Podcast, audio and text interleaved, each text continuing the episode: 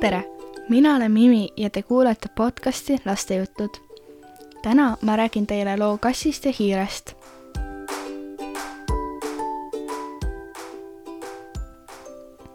hiir ja kass elasid päris vanal heal ajal sõpruses. üks ei kartnud ühte ega teine ei murdnud teist. ükskord korjasid nad kahekesi ühel sügispäeval vana heinaküüni taga tünni sisse rasva, et talvel oleks suure külmaga midagi võtta kui tünn oli juba pooleni täis korjatud, siis kinnitasid nad veel teineteisele kõvasti mitte tünnist võtma hakata enne, kui lumi maha tuleb ja kuskilt enam süüa saada pole. siis panid nad tünnile kaane peale ja läksid koju. aga hiir ei saanud oma rasvahimu kuidagi tagasi hoida. üle hommikul ütles ta kassile. eile olin ma ühe varesega koos. Nende perre on lapsi juurde tulnud ja ta kutsus mind tänaseks oma laste varrudele. Lähen täna sinna ära oota mind enne õhtut tagasi. Nende sõnadega läks hiir minema. hiire jutt oli aga selge vare. tal oli hoopis kange rasvahimu.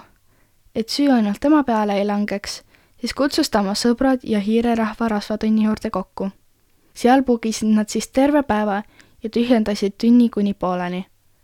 et rasva veel küllalt järgi jäi, siis käskis hiir neid teisel päeval jälle samasse kohta tulla natuke enne keskööd jõudis hiir koju. kui ta tuppa astus, oli kassil juba esimene unetukastus möödas. hiire tulekut kuuldes küsis ta, mis lapsele nimeks pandi. voodiste heites vastas hiir lühidalt. jäi pooleli, homme pean tagasi minema.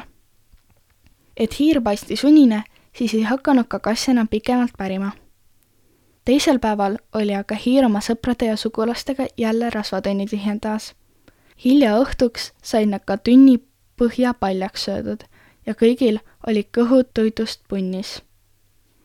tünn oli nüüd aga täiesti tühi. Nad tänasid hiirt ja läksid igaüks oma koju laiali. ka meie hiir jõudis alles päris hilja öösel koju. kass oli teda ootamas ja küsis jälle, mis lapsele nimeks pandi. põhipaljas, vastas hiir lühidalt ja ronis ise asemele puhkama. hiire väsimust nähes jättis ka kass täna nime pärimise pea kohta pärimata ja läks ka asemele puhkama.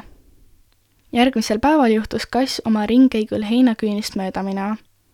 ta astus sisse, et oma tagavere natukest järele vaadata, kas kõik ikka alles on. tünnil kaant pealt ära võttes paistis paljas põhi vastu.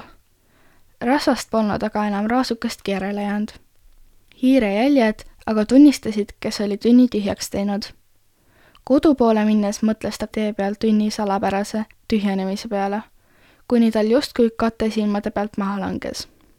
mis laste nimepanemise pidu Varesel sügisel veel olla sai? tal ju lapsed ammu suured. tühi hiire jutt. esimesel õhtul jäi tal asi pooleli, teisel õhtul aga oli juba põhi paljas. kellel? no kellel muul kui rasvatünnil. kõike seda kelmust tundes ja korjatud rasva peale mõeldes vandus ta hiire vastu igavest viha ja tagakiusamist, mis kestab kuni tänase päevani. see lugu oli kassist ja hiirest. tõesti, oma sõpru ei tohi mitte kunagi petta.